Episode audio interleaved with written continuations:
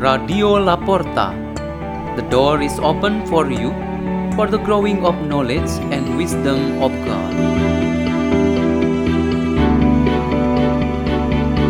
Delivered by Father Peter Tukan, SDB from Salesian Bosco Gerak in Labuan Bajo, Diocese of Ruteng, Indonesia.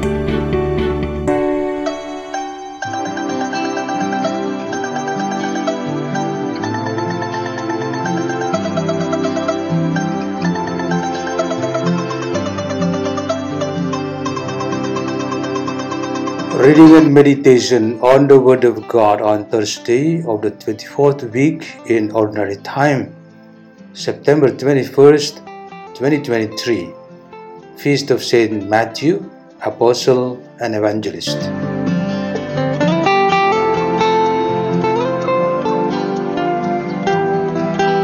A reading from the Holy Gospel according to Matthew chapter 9, verses 9 to 13. As Jesus was walking, and he saw a man named Matthew sitting by the customs house, and he said to him, Follow me. And he got up and followed him. While he was at dinner in the house, it happened that a number of tax collectors and sinners came to sit at the table with Jesus and his disciples. When the Pharisees saw this, they said to his disciples, Why does your master eat with tax collectors and sinners? When he heard this, he replied, It is not the healthy who need the doctor, but the sick. Go and learn the meaning of the words. What I want is mercy, not sacrifice. And indeed, I did not come to call the virtuous, but sinners. The Gospel of the Lord.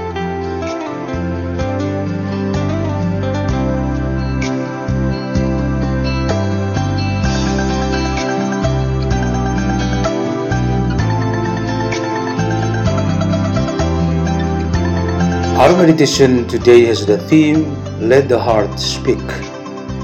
Today, September 21st, our church celebrates the feast of Saint Matthew, the Apostle and Evangelist. He came from Capernaum around the lake Gennesaret, and he was son of Alphaeus. He was known as a Roman tax collector, a job that was hated by his people of Israel because he supported the Roman invaders. Obviously, he was considered a serious sinner. The Lord Jesus was strongly criticized for making him one of his disciples.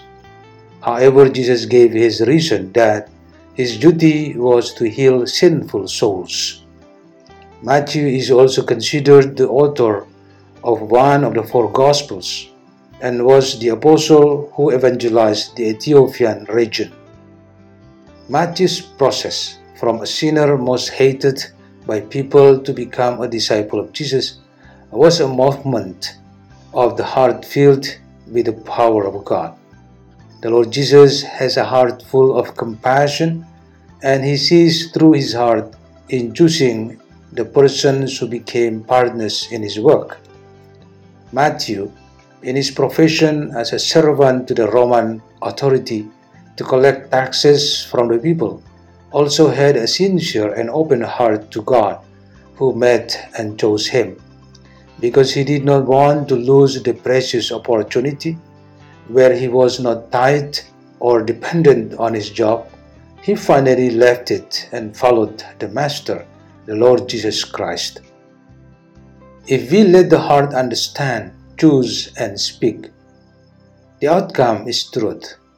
Of course, this is a fact because God is pleased to live in human conscience to provide wise and pure advice every time we make decisions. The mind often spins with the ability to rationalize, imagine, and speculate. For example, in making a self defense strategy, in arrogance, and in looking for a scapegoat, etc. But if the heart thinks and speaks, it happens like a prophet Samuel who chose David over his seven brothers older than him. So he said in this manner God looks at the heart and not at the appearance. In exercising his authority, David's heart was like a compass which always pointed exactly to the north, namely to God. Matthew, even though his mind was busy with taxes and getting profits from that work, his heart clearly longed for God. With his job, he realized he couldn't enter the synagogue to hear the word of God and to pray. When meeting Jesus, these two hearts filled with the power of God immediately matched and related to each other. The words follow me from Jesus immediately changed Matthew's life.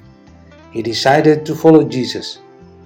For us, speaking from the heart is an opportunity to share goodness, truth, and strengthen our calling in life.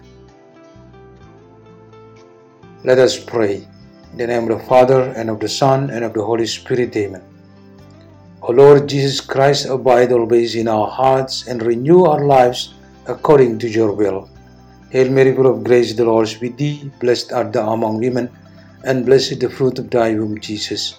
Holy Mary, Mother of God, pray for us sinners now and at the hour of our death. Amen. In the name of the Father, and of the Son, and of the Holy Spirit. Amen. Radio La Porta. The door is open for you.